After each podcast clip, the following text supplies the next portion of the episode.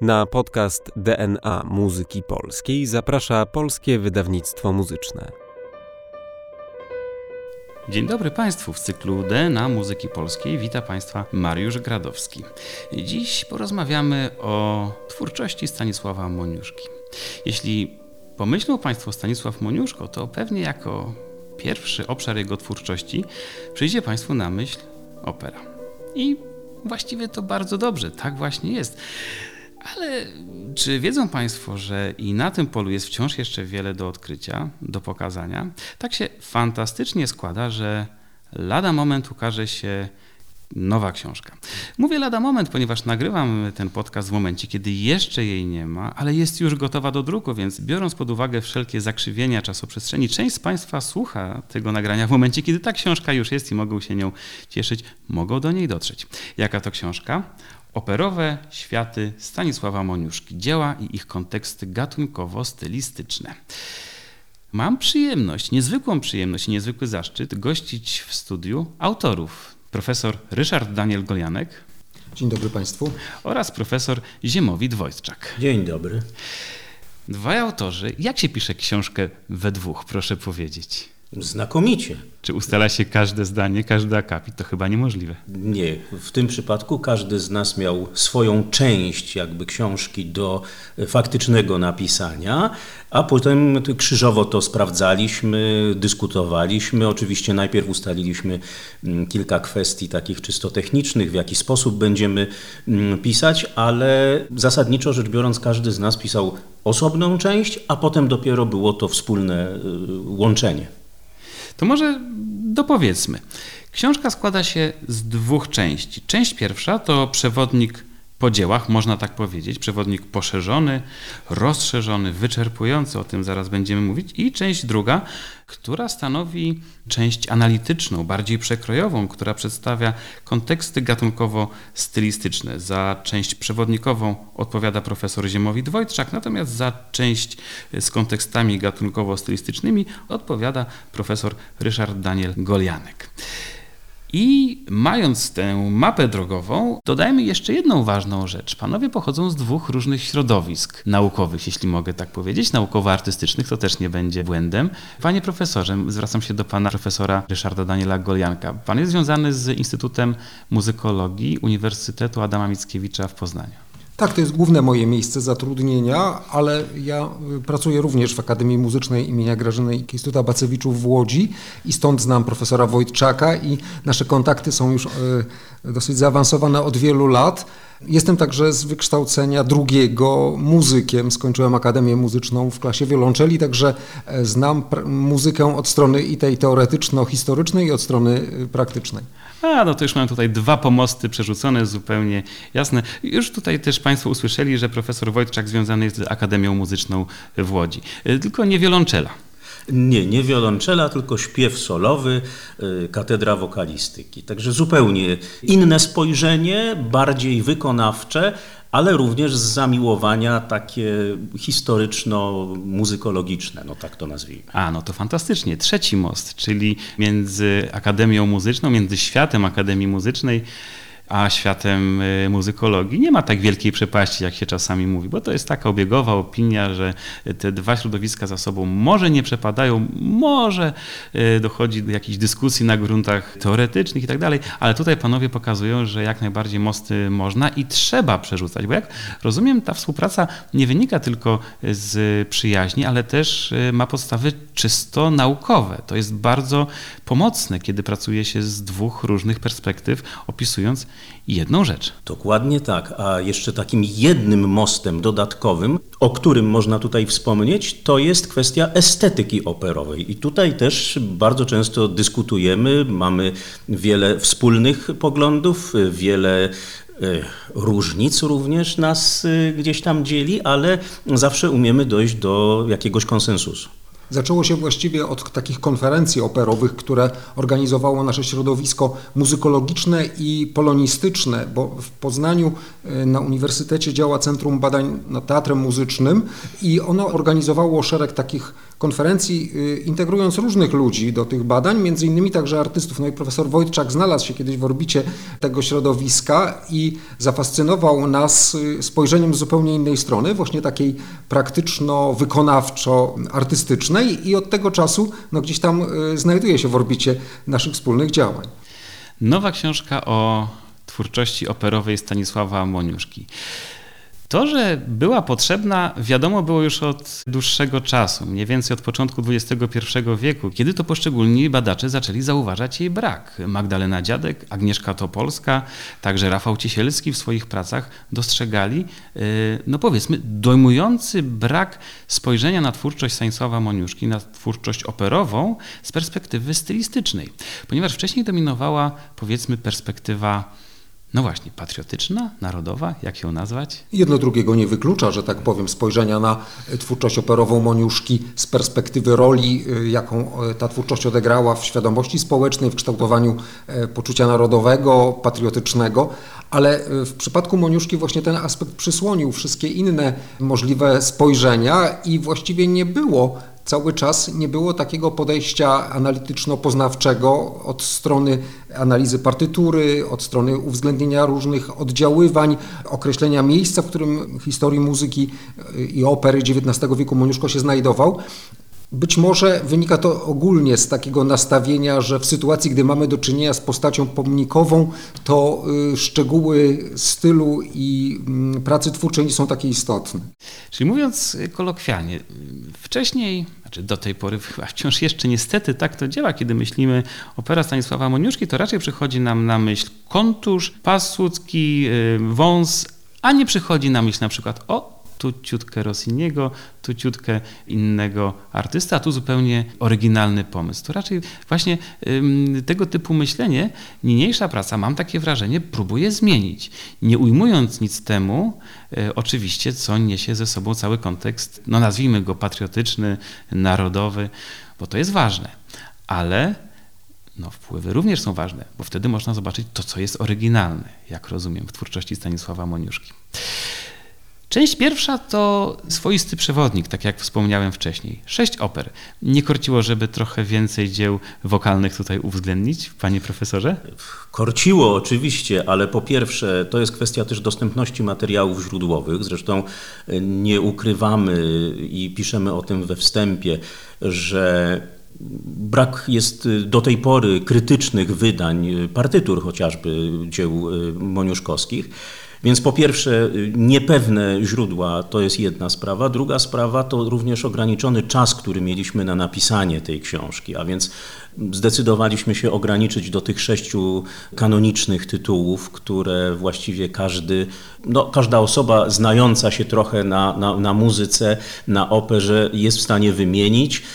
No i w ten sposób chyba najprościej też dotrzeć do szerokiego grona odbiorców. Kwestię źródeł chciałbym jeszcze poruszyć, ponieważ to jest bardzo ważna kwestia, ale to może za sekundkę, bo w tym momencie może dobrze byłoby, żebyśmy dopowiedzieli. Chodzi o takie opery jak Halka, Flis, Hrabina, Verbum Nobile, Straszny Dwór i Paria. Część z nich jest nieco bardziej znanych, oczywiście mam na myśli Halkę i Straszny Dwór, część nieco mniej. E, ja dosyć przekornie powiedziałem, że tylko sześć, ponieważ można by powiedzieć, że to jest aż sześć, ponieważ e, bardzo dużo pracy zostało tutaj włożone, żeby je w szczegółach przedstawić. Gdyby mógł pan profesor zachęcić czytelników do sięgnięcia, ponieważ mam, ktoś mógłby powiedzieć, no mamy już przewodnik operowy, to czym to się różni? Oprócz tego, że nowe, no właśnie, nowe, ale jeszcze ta nowość ma w sobie jakość. Przede wszystkim jest to zupełnie inny przewodnik y, operowy po tych operach Moniuszki. Mm, to jest przewodnik, który mówi o tych operach od strony dramaturgicznej, a więc jest w oparciu o bardzo dokładną analizę libretta ze wszystkimi zmianami, które te libretta gdzieś tam przechodziły, między innymi ze względu na cenzurę, również ze względu na akcję sceniczną, na relacje między postaciami.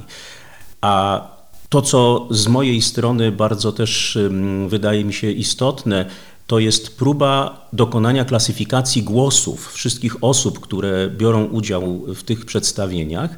Próba klasyfikacji w oparciu o obowiązującą do dzisiaj na Zachodzie klasyfikację Rudolfa Kleubera. Do tej pory nie było jeszcze takiej próby analizy partii moniuszkowskich właśnie w kontekście klasyfikacji głosów kleuberowskich. I to jest dobry moment, żeby o to dopytać, bo miałem pytanie o Kleibera na swojej liście. Jak dla mnie to było objawienie, muszę przyznać. Być może osoby nieco bardziej funkcjonujące w świecie opery albo zajmujące się operą naukowo są z tą klasyfikacją za pan brat. Dla mnie to było bardzo odkrywcze. Czy mogliby panowie przybliżyć nieco samą tę klasyfikację, ponieważ myślę, że dla naszych słuchaczy byłoby to interesujące. Być może część z osób nas słuchających po raz pierwszy w ogóle słyszy o tej klasyfikacji Kleubera.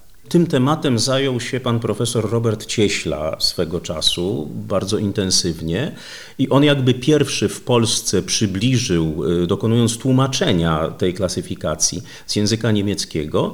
To było bodajże w roku 2015. I y, od czego czasu zresztą Robert Cieśla próbuje y, jakby gdzieś tam poszerzać tę informację. Natomiast sama klasyfikacja polega na tym, że są brane pod uwagę różne parametry wokalne głosu. Mianowicie po pierwsze ambitus, po drugie tesytura, po trzecie możliwości dramaturgiczne. I na tej podstawie sporządzane są w krajach zwłaszcza niemieckojęzycznych kontrakty ze śpiewakami. Śpiewak ma y, jeżeli jest zaklasyfikowany do jakiegoś rodzaju głosu, to ma obowiązek wykonywać wszystkie partie, które na ten głos są właśnie w tym katalogu zapisane. Natomiast jeżeli dostaje propozycję zaśpiewania partii, która wykracza poza ten katalog, poza jego rodzaj głosu, to wówczas ma prawo domagać się dodatkowego wynagrodzenia. Rozumiem, czyli to ma bardzo praktyczne przełożenie.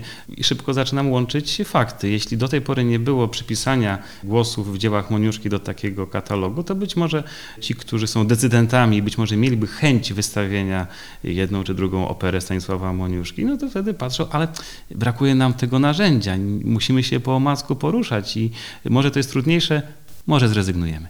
A teraz będą mieli znacznie więcej możliwości ku temu, aby bardziej precyzyjnie rozeznać się w możliwościach wystawienia tego czy innego dzieła, no to bardzo ważne. Ale y, to też y, wspomniał pan profesor o źródłach, więc może od razu przeskoczmy do problematyki źródeł, bo mm, jak rozumiem opracowanie czy przypisanie poszczególnych głosów y, do tej systematyki wymagało analizy źródłowej. Po prostu patrzymy w partytury, sprawdzamy ambitus, wszystko to, co można zmierzyć, mówiąc kolokwialnie. No, no ale właśnie, źródeł. Nie ma wydania krytycznego. Zwracam się do profesora Ryszarda Daniela Golianka. Jak to jest? Mamy rok 2023, w tym momencie nagrywamy ten podcast. Rok Moniuszkowski za nami. Jak domyślam się, y, jakiś tutaj jest dosyć duży problem po prostu z tymi materiałami, z tą dostępnością. Czy kłopot leży gdzieś indziej? Trudno mi to zrozumieć, że nie mamy jeszcze wydań źródłowych Stanisława Moniuszki, dzieł Stanisława Moniuszki. Problemy ze źródłami y, dotyczącymi twórczości operowej Stanisława Moniuszki zaczęły się już właściwie w jego czasach, dlatego że sam kompozytor tworzył różne wersje poszczególnych fragmentów, wymieniał je na e, okoliczność poszczególnych y, wykonań. Pojawiały się więc rozmaite rozwiązania i różne, różne wersje. Też piszemy zresztą o tym w pracy. Czasami na przykład aria występuje w jednej tonacji, a w innej redakcji w odmiennej tonacji. E, wydawane były głównie wyciągi fortepianowe, a nie partytury i w XX wieku, gdy zaczęto e, w odrodzonej Polsce wykonywać e, powszechnie dzieła operowe Moniuszki, no to pojawiła się konieczność no, dotarcia do tych partytur, które nie są kompletne albo są kompletne, ale w perspektywie dwudziestowiecznej zaczęto sądzić, że one są niedopracowane. I dlatego szereg różnych muzyków dwudziestowiecznych, głównie dyrygenci, czy także kompozytorzy zaczęli dokonywać opracowania tych partytur i znamy te dzieła operowe właściwie w takich redakcjach. To nie są dzieła autorskie. W 2017 roku powstał zespół taki badawczy utworzony przez Polskie Wydawnictwo Muzyczne, Komitet Wydania Dzieł Stanisława Moniuszki i pojawił się ambitny pomysł nawet, że na rok moniuszkowski zdążymy coś z tego e, opublikować. Idzie to bardzo opornie i myślę, że tutaj trudności są znaczne. E, to jest bardzo trudna praca, nie ma kompletnych tych źródeł. Niektóre z tych źródeł nie są w tej chwili dostępne, zważywszy na sytuację za naszą wschodnią granicą. Pamiętajmy, że Moniuszko przez dużą część życia wiązał się z tamtym rejonem, pochodził z rejonu, który jest dzisiaj Białorusi, był e, na Litwie. Sprawa jest w każdym razie bardzo skomplikowana i wstydliwa, tak jak powiedziałem, ale y, można sądzić, że to jeszcze ciągle jest zadanie dla muzykologów. Żeby coś powiedzieć o danym dziele, to musimy mieć pewność, że patrzymy w nuty, które są możliwie bliskie temu, co kompozytor chciał powiedzieć. A tutaj patrzymy w wydane partytury i widzimy pewną redakcję, czyli pewną wizję tego, co kompozytor chciał zaproponować, a być może ta wizja jest bardziej redaktorska. Ta, ta, różnica tonacji nie jest tylko różnicą w problemie wykonawczym, bo rozumiem, że wtedy głos inaczej pracuje i jeśli jest w jednej tonacji, to bardziej pasuje do jednego typu głosu, a jeśli w innej, no to inny typ głosu będzie bardziej właściwy. Także tutaj wiąże się cały szereg czysto realnych problemów. No ale rozumiem, że mimo wszystko coś da się powiedzieć o twórczości Stanisława Moniuszki i całe szczęście. To, co się da, to, co mnie zafrapowało, to właśnie jest rzecz, która jest bardzo bliska tematowi podcastu, DNA muzyki polskiej, a tutaj profesor Golianek wprowadza kategorię genotypu. Czy mógłby pan profesor wyjaśnić, jak pan rozumie kategorię genotypu w twórczości Stanisława Moniuszki? Rzeczywiście bardzo blisko znaleźliśmy się problematyki DNA, bo to przecież też geny. E, więc można by powiedzieć, że jeśli mamy do czynienia z jakimś organizmem, to on jest złożony z różnych genów i znajdujemy tam geny rozmaitego pochodzenia i w odniesieniu do twórczości Moniuszki to określenie genotypu, które jest zaczerpnięte z biologii de facto, mm, też obowiązuje, bo nie sposób powiedzieć, że jest to w 100% twórczość yy, no, indywidualna czy oryginalna, pochodząca z inwencji samego twórcy, bo przecież kompozytor wyrastał w pewnej tradycji i to takiej właściwie tradycji kresowo-zbitkowej bym powiedział, bo i polska tradycja, i ta ukraińska, i trochę litewska, i białoruska, więc yy, to jest ten jeden aspekt, który mógł te geny muzyczne tam przemycić, albo doprowadzić do tego, że pojawiła się taka zróżnicowana pula genowa. No a drugi wynika z tego, że kompozytor jednak kontaktował się z tym, co się dzieje w Europie. Opera to przede wszystkim gatunek włoski, więc miał do czynienia e, z operą, wykonywał opery, studiował opery, e, uczestniczył w prezentacji oper e, włoskich i francuskich i niemieckich podczas swoich studiów w Berlinie, więc można by powiedzieć, że trochę tych zagranicznych genów też napłynęło do twórczości operowej Moniuszki. I nasz pomysł właściwie od samego początku był taki, że podzielimy się e, tymi genami, to znaczy profesor Wojtczak będzie tropił głównie geny polskie i łączył problematykę oper Moniuszki z tradycją czy stylem polskim, a ja te elementy, które się tam wdarły na zasadzie kosmopolitycznej z zagranicy, dlatego też łączę w dużej mierze e, stylistykę oper Moniuszki z tymi tradycjami zagranicznych oper. Od razu trzeba y, dopowiedzieć, to nie chodzi o to, bo być może ktoś mógłby tak pomyśleć, aha, czyli tropimy to skąd Moniuszko podbierał. To nie do końca o to chodzi, że był miłośnikiem oper jednego twórcy, czy bardziej go fascynowały libretta innego i od nich pożyczał i to my teraz, y, znaczy my, panowie, sprawdzają. Chodzi o coś zupełnie innego. Zupełnie naturalne jest, że twórczość muzyczna, tak jak każda twórczość, jest zanurzona w jakiejś sieci wpływów, sieci relacji. To nie jest samorodek, który no, mówiąc y, uczciwie, czasami bywają takie samorodki, ale to są bardzo rzadkie przypadki i nawet w takich sytuacjach również czasem jednak możemy pewne relacje wskazać. Chodzi tutaj o to, żeby pokazać Moniuszkę w sieci. I jeśli go pokażemy w sieci relacji stylistycznych, kulturowych, jeśli można tak powiedzieć, także społeczno-politycznych, to tym bardziej będzie widać to, co jest oryginalne. Bo do tej pory właściwie słyszymy, to być może jest Moniuszko, jeśli słyszymy jakiś fragment tekstu.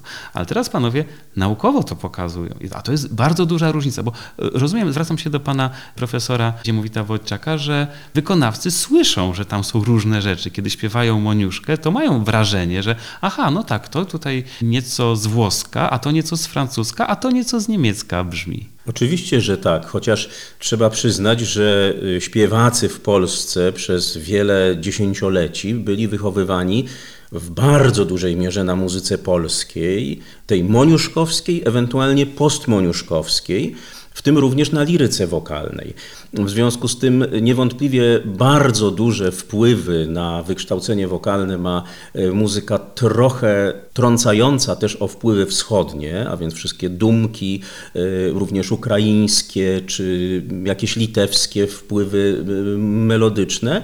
Natomiast y, zwłaszcza ci śpiewacy, którzy no, w ostatnich latach y, kończą nasze uczelnie i mają bardzo dużą styczność y, no, z międzynarodowym, z, z, z operą międzynarodową, rzeczywiście są takie momenty, że odnajdują pewne linie melodyczne, pewne fragmenty. Rzadziej to dotyczy orkiestracji, ale może dlatego właśnie, że ta orkiestracja była taka mm, gdzieś tam przetwarzana często. Nie, nie wiemy do końca, jak ona wyglądać miała.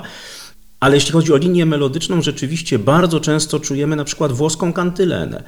Zresztą y, y, często tu profesor Golianek takie porównania też y, robi, nawet są przykłady muzyczne wklejone w tę książkę, pokazujące na przykład podobieństwo do fraz beliniowskich, czyli tych pięknych melodii, które słuchaczowi, ale również śpiewakowi bardzo zapadają w ucho czy w głos w tym momencie to to jest dobry moment, abyśmy najpierw zbudowali ten kontekst międzynarodowy. Ja przyznam, że kiedy otworzyłem spis treści, mm, miałem tę przyjemność zajrzeć do książki wcześniej, jeszcze przed jej ukazaniem się, to powiem szczerze, że zdumiałem się wielością tych genotypów zachodnich, jeśli mogę tak powiedzieć. Poproszę może profesora Golianka, żeby. No, to jest krótki podcast. Książka jest bardzo obszerna, ale gdybyśmy spróbowali naszkicować mapę tych genotypów, no bo krajami jest prosto Włochy, Francja, Niemcy, ale jest rzecz to bardziej skomplikowana.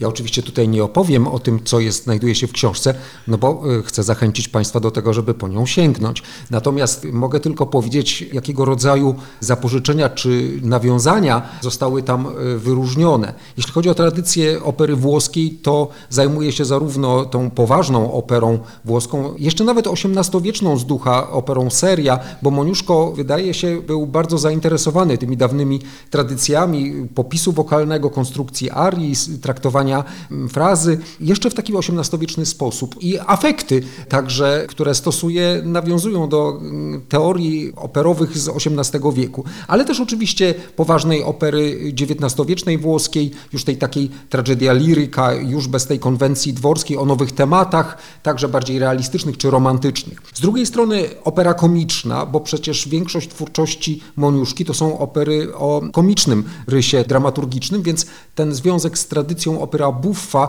jest bardzo, bardzo żywy i bardzo silny.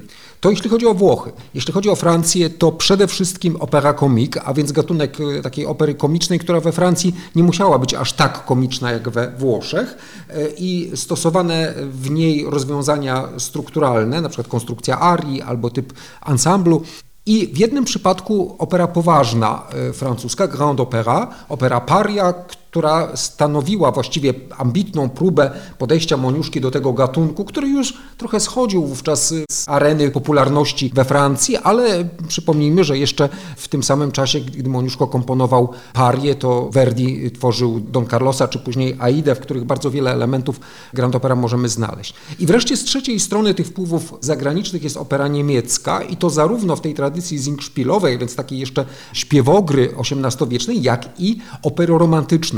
Bardzo y, dla mnie interesujące było mm, jakby badanie relacji pomiędzy twórczością Moniuszki a wpływami opery na przykład Wagnera, czy stylem opery Wagnera. O tym już właściwie wiele lat temu, prawie 100, pisał Zdzisław Jachimecki, który bardzo chciał wykazać, że Moniuszko to właściwie niezależnie od Wagnera stworzył dramat muzyczny i tam pokazuje wiele różnych nawiązań, trochę przesadzając, jak sądzę, ze współczesnej jednak perspektywy. Natomiast niewątpliwie ten aspekt relacji Moniuszko Moniuszko-Wagner w Polsce zupełnie nie był podejmowany w ostatnim dyskursie. Czy te elementy są bardzo głęboko wpisane w muzyczną tkankę, czy łatwo je wyłuskać? Bo jeśli jest jakaś kantylena o konturze włoskim, to być może łatwiej to usłyszeć, ale jak rozumiem, to nie tylko o melodykę chodzi. Nie, to jest również konstrukcja całych scen, arii, numerów muzycznych. Także y, czy to było trudno wyłuskać? Ja myślę, że wiele rzeczy rzuca się no, na pierwszy taki rzut ucha, można powiedzieć. Rzeczywiście niektóre fragmenty od razu słychać, że są to określone wpływy, oczywiście pod warunkiem, że mamy ten kontekst, że przyjmujemy to szerokie spojrzenie, prawda? Natomiast jest też wiele fragmentów, co do których dopiero jakaś analiza harmoniczna, właśnie strukturalna, dopiero zaczyna nam pokazywać, że o, o, o, tutaj też coś możemy odnaleźć, co jest podobne na przykład, nie wiem, do twórczości takiego czy innego kompozytora zachodnioeuropejskiego. To może, żeby zachęcić, gdyby mogli yy, panowie profesorowie wskazać na przykład no, takie trzy niteczki, które możemy wyłuskać, trzy tropy owego zachodniego DNA. Gdzie szukamy Zingszpilu w twórczości Stanisława Moniuszki? Jakiś jeden przykład, tak żebyśmy od razu mogli sprawdzić. No nie wiem, dla mnie na przykład wejście kapłanów, Osuria wspaniały i wejście kapłanów w czarodziejskim flecie ma ze sobą bardzo dużo wspólnego, jako, jako pewna dramaturgia. No przykładowo, tak? Taki jeden przykład. Świetnie. I teraz y, nasi słuchacze y, wciskają pauzę, biegną do odtwarzaczy płyt kompaktowych, albo do gramofonów, albo i do streamingu i szybko sprawdzają. No to teraz drugi przykład. Może opera francuska, jakiś przykład opery francuskiej, jednej czy drugiej. No tu przede wszystkim rola baletu i funkcja baletu, a poza tym traktowanie konstrukcji arii na sposób taki kupletowy, zwrotkowy, to hrabina jest bardzo dobrym przykładem, to właściwie jest w wielu aspektach opera francuska, taka właśnie opera komik. No i świetnie. To jeszcze tradycja włoska. Z jednej, drugiej czy z trzeciej strony, bo tutaj mamy trzy aspekty opery włoskiej. To ja może bym powiedział o jednym przykładzie, o którym, jeśli pan pozwoli, trochę więcej. Oczywiście. To znaczy y, o Arii Hanny z y, ostatniego aktu Strasznego Dworu. Wszyscy ją, myślę, dobrze znają, ale ona jest takim przykładem, w którym jak w soczewce skupiają się różne elementy wpływów y, tradycji operowej włoskiej. I tutaj trzeba jednak wejść głębiej analitycznie. To, że ona traktuje o no, takiej powinności, o roli kobiety i jej pokazaniu się w mm, perspektywie społecznej czy narodowej, to przesuwa nam postać tej bohaterki w kierunku takiego afektu męskiego, bardziej wojownika, afekt chwały. To jest XVIII-wieczna tradycja opery włoskiej. Żeby przedstawić chwałę wojownika, używano zwykle tonacji D-dur, rzadziej B-dur i oczywiście aria Hanny jest tonacji D-dur, a więc dobrze odpowiada tej tradycji. Tyle, że Hanna jest kobietą. Aha, jeszcze trzeba powiedzieć, że konstrukcja aryjna też odpowiada wzorcom dawniejszych afektowych arii, ale jest kobietą, w związku z tym trzeba ją jakoś scharakteryzować nie jako mężczyznę w dedur i w, z takim, taką postawą chwały i szlachetności. Dlatego Moniuszko stosuje solowe, koncertujące skrzypce, a to instrument kobiecy. I mamy tutaj szereg różnych oddziaływań z tradycji, które bardzo dobrze służą przedstawieniu tej właśnie postaci i jej charakterystyki w kontekście dramaturgii opery. Świetnie. Po przeczytaniu nowej książki profesorów będziemy nieco inaczej słuchać opery Stanisława Moniuszki. To jest już dla mnie zupełnie jasne. Skoro już mamy ten kontekst, no nazwijmy go zachodni, tak roboczo, to musimy teraz przejść do tych wątków polskich, polskiego DNA. Co możemy tutaj wyłuskać jako cechy szczególne? Jeśli powiem, że pewnie rytmy tańców narodowych, to to będzie taki dosyć oczywisty trop, ale jak rozumiem, nie tylko to. To znaczy tak, rytmy tańców narodowych oczywiście tak z polonezem na czele, wiadomo, chociaż styl muzyczny polonezowy również charakteryzował przecież muzykę włoską. Aria di Polacca, prawda? Mieliśmy bardzo wiele takich przykładów. Natomiast y, tu przede wszystkim raczej wskazałbym na dumki czyli na ten charakterystyczny taki zaśpiew wschodni, który dominował w bardzo wielu momentach. Nawet jeżeli w samej warstwie muzycznej odnajdujemy tam formy na przykład kupletowe, czyli odpowiednik, jakieś nawiązanie do opery francuskiej, do opera komik, ale w samej nazwie arii czy numeru mamy wyraźnie powiedziane dumka. Mamy dumkę Jadwigi, mamy dumkę Jątka, a więc tych utworów o charakterze dumkowym jest bardzo wiele. Mamy przepiękną dumkę Zosi we Flisie, czyli to wszystko są utwory, które słuchacz, zwłaszcza słuchacz XIX-wieczny, odbierał jako rodzimą muzykę, tę, którą zna, nie wiem, no, ze swoich okolic. To ja może dopytam y, w imieniu słuchacza, który za zapyta, dumka jątka? Ja znam arię jątka. Czym się różni dumka od arii właściwie? Dobre pytanie. Właściwie to, znaczy tak, aria jako pewien samodzielny fragment solowy dla wokalisty, prawda? Dla postaci, która, która wyraża tym jakieś swoje emocje. Natomiast y, to, że to zostało nazwane dumką, wydaje mi się, że ze względu właśnie na pewną śpiewność, na pewną taką tę rzewną nutę, w której odczytujemy tę polskość czy wschodniość również, bo to jedno z drugim ma bardzo wiele wspólnego. Zresztą początkowo ona miała być w nieco szybszym tempie, takim kujawiakowym, natomiast to właśnie Julian Dobrski, pierwszy odtwórca partii Jątka, zaproponował, nie, nie, to trzeba zaśpiewać rzewnie, tak właśnie z taką polską łezką, to tak byśmy mogli powiedzieć, słowiańską, może powiedzmy nawet nie polską, ale słowiańską łezką. No dlatego przyjęło się mówić, że to jest dumka Jątka. Zresztą oczywiście dumka jest to nazwanie przez y, samego Moniuszki, bo tam jest scena i dumka y, Jątka. Mówimy o czasie, kiedy jednym z tańców narodowych, co prawda już nieco zanikającym, ale jednak był kozak. Trochę o tym się dzisiaj nie pamięta, ale jednak te relacje z Polską centralną, Polski wschodniej były znacznie silniejsze i te kultury, te wpływy, te relacje znacznie bardziej się przenikały niż to się mogłoby dzisiaj wydawać. Dobrze, to już wiemy, czym jest dumka, a ciekawi mnie, jak rozumiem z naszej rozmowy, to wynika też, to oczywiście jest w Panu w książce, kwestie instrumentacji są nieco problematyczne, ale czy w instrumentacji również możemy dostrzec jakieś cechy polskiego DNA? Myślę, że tak. To znaczy, przede wszystkim charakterystyczne jest wykorzystanie kwintetu jako takiej bazy Instrumentów też dętych drewnianych. Zdecydowanie mniejsze znaczenie mają instrumenty tutaj dęte blaszane, co y, zresztą bardzo charakterystyczny jest ten kwintetowy akompaniament jeśli tak można powiedzieć, takie towarzyszenie, czy ilustracja orkiestrowa różnych scen, gdzie bardzo często odnajdujemy jakieś burdonowe kwinty, gdzie odnajdujemy takie elementy, które znamy w pewien sposób z muzyki ludowej po prostu, tej naszej polskiej muzyki ludowej. Ciekawi mnie, czy podczas pisania tej książki yy, któryś z panów profesorów został zaskoczony badanym materiałem. Bo jak rozumiem, wcześniej z Moniuszką byli panowie za pan brat, ale podczas pisania na pewno sięga się do tych źródeł, które już się zna. Raz jeszcze pojawiają się źródła nowe, nowe pomysły, nowe opracowania. Ciekaw jestem, czy coś w związku z twórczością Moniuszki panów zaskoczyło? Albo czy odnaleźli panowie coś nowego? Albo czy jest coś takiego, co było takim objawieniem? Mnie zaskoczyła niefrasobliwość niektórych autorów. Przez litość nie będę wymieniał, o kogo mi chodzi.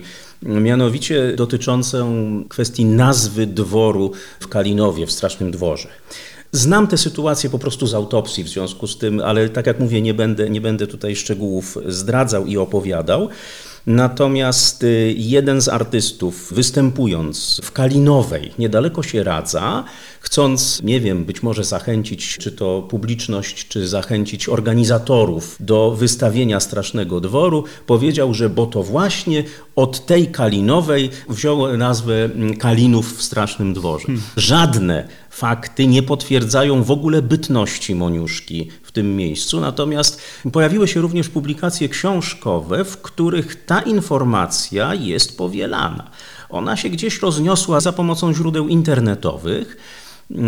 I tak jak mówię, w żadnych źródłach nie ma potwierdzenia tego faktu, żeby Moniuszko w ogóle tam przebywał, nie mówiąc o tym, że z całą pewnością miał inne pomysły, skąd inną czerpał pomysły na y, nazwę Strasznego Dworu.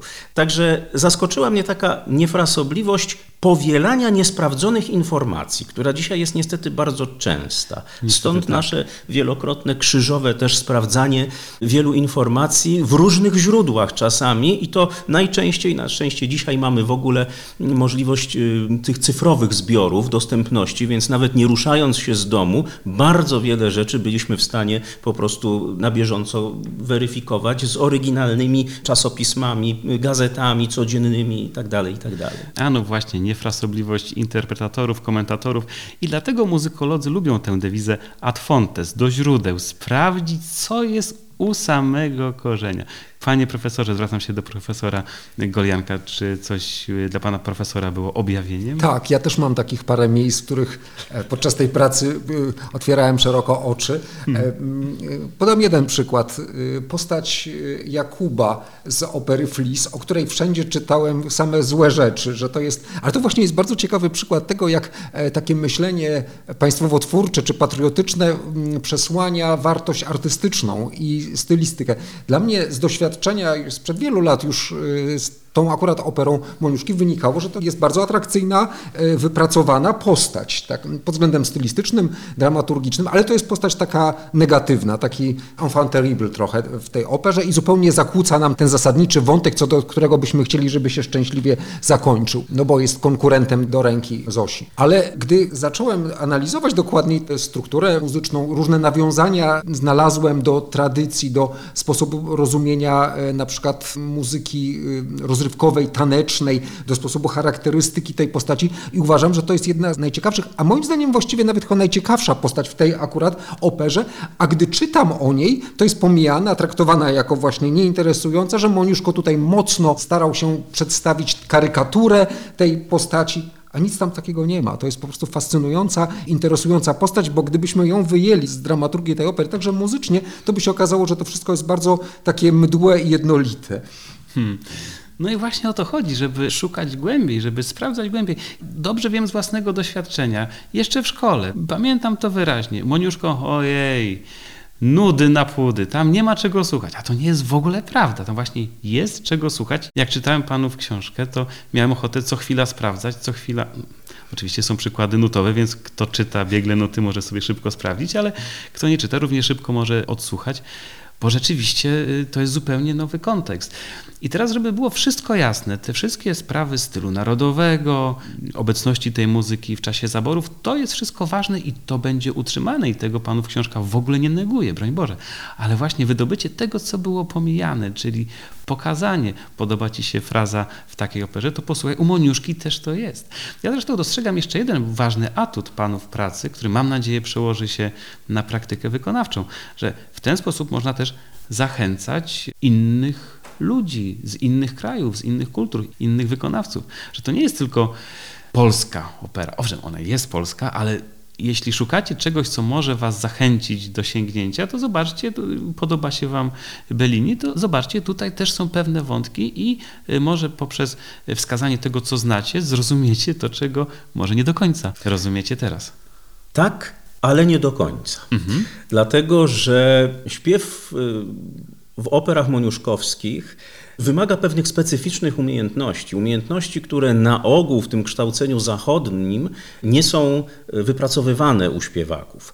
To jest cecha śpiewaków ze wschodu, bądź z Polski również, tak zwanych śpiewaków kontuszowych.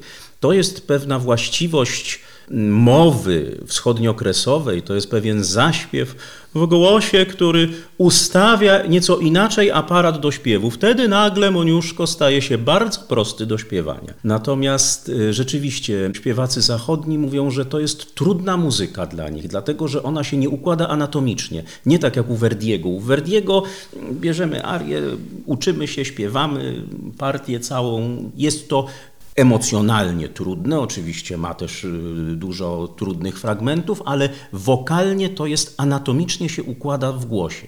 Natomiast w przypadku Moniuszki, w przypadku tego kształcenia, modelu kształcenia zachodnioeuropejskiego, Moniuszko w głosie się nie układa. Natomiast dlatego Moniuszkę, co widać no, chociażby na konkursie moniuszkowskim, bardzo dobrze śpiewają śpiewacy kształceni według tych wschodnich, nazwijmy to, wzorców estetycznych. Ale jeszcze jest drugi aspekt. Od y, przynajmniej pół wieku w wykonywaniu oper dominuje tendencja do prezentacji tych dzieł w języku oryginalnym. A tu jest bariera nie do przejścia, ponieważ o ile język na przykład czeski czy rosyjski jakoś znajduje sobie drogę do prezentacji na scenach operowych, być może też z tego względu, że ten repertuar jest znacznie bardziej popularny za sprawą, nie wiem, Prokofiewa, Szostakowicza, Czajkowskiego czy Janaczka. Natomiast co do Moniuszki, no to powtórzę tu taką anegdotę, którą przed laty opowiedział jeden z wybitnych wybitnych polskich śpiewaków. Pytany o to, dlaczego Moniuszko nie jest wykonywany za granicą. Odpowiedź była taka, no cóż, próbowałem zachęcić moich kolegów tenorów na świecie, ale jak usłyszeli, że trzeba zaśpiewać wszak się przyrzekło żyć w bezżennym stanie, to każdy odpuścił. Tak, ten nasz język. Y, kiedy y, profesor Wojczak mówił o tym powiązaniu języka i śpiewu, to ja od razu pomyślałem o Czesławie Niemenie, bo to rzeczywiście jest bardzo podobny przypadek. Wielu artystów sięga po piosenki Czesława Niemena, ale one zwykle nie brzmią. A nie brzmią dlatego, że Czesław Niemen miał kresowy akcent. I tak, tak, tak frazował, tak budował swoje linie melodyczne, i tak je wykonywał, że dzisiaj jest to właściwie trudne do skopiowania. Oczywiście ktoś mógłby powiedzieć, że to nie chodzi o kopiowanie. No tak, nie chodzi o kopiowanie, ale jeśli chcemy oddać e, artystyczną sprawiedliwość danej frazy, no to jednak ten język tutaj odgrywał bardzo ważną rolę i być może Czesława Niemena niektórych utworów nie da się tak dobrze artystycznie powtórzyć, bo to, że się powtórzyć da, to. Znaczy, da się sprawa. zaśpiewać inaczej mhm. po prostu. Natomiast nie będzie się to układało. To jest takie oczywiście żargonowe trochę, trochę sformułowanie mm, wokalne. Nie układa się to w gardle, nie układa się to w głosie, nie układa się to w aparacie głosowym. Ale być może zachodni artyści, kiedy dowiedzą się, że jest tak bogaty materiał, bo jednak bogaty, jednak sześć poważnych oper, no to kto wie, może ten polski język przestanie być dla nich aż taką przeszkodą. Mamy już tego typu przykłady, że czasami się udaje, czasami się udaje. Ja jako ciekawostkę tylko dodam, że paria przecież jest nagrana w języku włoskim w tej chwili, mamy możliwość posłuchania i jeżeli słuchamy parii w języku włoskim, czyli bez obciążenia tą poloniką, postaci języka, to nagle słyszymy zachodnią muzykę. I nagle, nie znając, a Paria jest y, mało znanym tytułem, w związku z tym można się zastanowić zaraz, co to za opera, kto to napisał. Więc być może, że to jest jakaś droga, to znaczy wiele oper moniuszkowskich jest przecież przetłumaczonych mm, za czasów Moniuszki, głównie przez Bonoldiego, na język włoski. Może trzeba spróbować w ten sposób wyjść na rynek zachodni. Parę lat temu była zresztą prezentowana Halka w języku włoskim w Teatrze Wielkim w Warszawie i muszę powiedzieć, że dla mnie było to bardzo ciekawe doświadczenie. To znaczy e, wpisało w tym momencie mi tę operę w kontekst różnych innych takich oper o cierpiących, nieszczęśliwych dziewczynach z ludu, które znam z różnych oper włoskich. Także sądzę, że nie ma tutaj akurat konieczności, żebyśmy się upierali, że, że musi to być język polski, skoro on miałby być tą barierą w imporcie tych oper za granicę. Pewną specyfiką pisania książek jest to, że zbiera się materiał i dokonuje się selekcji. O tym już nie dam rady napisać, tego już nie włączę. Ciekaw jestem, czy mają panowie pomysł, jaki mógłby być dalszy ciąg tej opowieści o operowych światach Stanisława Moniuszki? Niekoniecznie w przyszłym roku, w kolejnym, ale kiedyś. Co jest jeszcze do zrobienia? Bardzo dużo. Chociażby pominęliśmy w ogóle kwestię wykonań, rejestracji fonograficznych, a więc cały ogromny obszar, który też jest niezwykle ważny dla recepcji, ale również dla wykonawców. To jest bardzo, bardzo istotne i cały ten obszar został świadomie jakby e, wyrzucony. W ogóle recepcji, właściwie o recepcji w ogóle nie piszemy, czyli również nie piszemy o recenzjach, które były po premierach. Jeżeli gdzieś się pojawia jakiś cytat, to tylko w kontekście tego, żeby pokazać pewne, pewne rzeczy, które związane są z danym dziełem, natomiast nie w kontekście rzeczywistego odbioru przez publiczność. No i nie ma y, za wiele informacji o tym, jak te dzieła były wystawiane. Co prawda są obrazki y, i tutaj ilustracje, które żeśmy zamieścili, odpowiadają jakby takiemu też pomysłowi dwuczęściowości, bo w części pierwszej mamy zdjęcia z realizacji operowych, a takich już archiwalnych, dawnych, czarno-białe, historyczne, Natomiast w części drugiej mamy wyłącznie realizacje najnowsze i to właściwie większość z nich te, które były przygotowywane na rok moniuszkowski, kolorowe i też pokazujące możliwość takiego odejścia od y, klasycznych właśnie sposobów przedstawienia. Od tej kontuszowości. Właśnie. Więc ja myślę, że gdybym miał myśleć o tym, y, czy zająć się, albo jak zająć się jeszcze Moniuszką w przyszłości, no to właśnie kwestia realizacji scenicznych, możliwości umieszczenia oper Moniuszki w kontekście współczesnych tendencji teatru operowego to byłoby to, co by mnie mogło zainteresować. Zresztą e, jest tutaj e, pierwszy krok, który widzę wyraźnie w spektaklu z 2015 roku, spektaklu Davida Połtneja Strasznego Dworu z Teatru Wielkiego w Warszawie. On jest w repertuarze i bardzo zachęcam Państwa do obejrzenia tej właśnie realizacji, bo to jest taka próba pokazania klasycznego dzieła Moniuszki, ważnego dla świadomości narodowej, w perspektywie właśnie nienarodowej, w perspektywie zupełnie innego typu myślenia o tym, czym jest ta opera. I to jest fascynujące, bo oglądamy Straszny Dwór jako zupełnie inne dzieło. Narodowe i europejskie jednocześnie. I o tym też jest ta książka, która, kiedy Państwo odsłuchują to nagranie, to kto wie, może już jest w księgarniach, proszę sprawdzić. Wydawnictwo, czy muszę dopowiadać, oczywiście PWM. Operowe Światy Stanisława Moniuszki. Miałem niezwykłą przyjemność gościć dzisiaj autorów tej publikacji, profesora Ziemowita Wojtczaka Bardzo dziękuję za zaproszenie.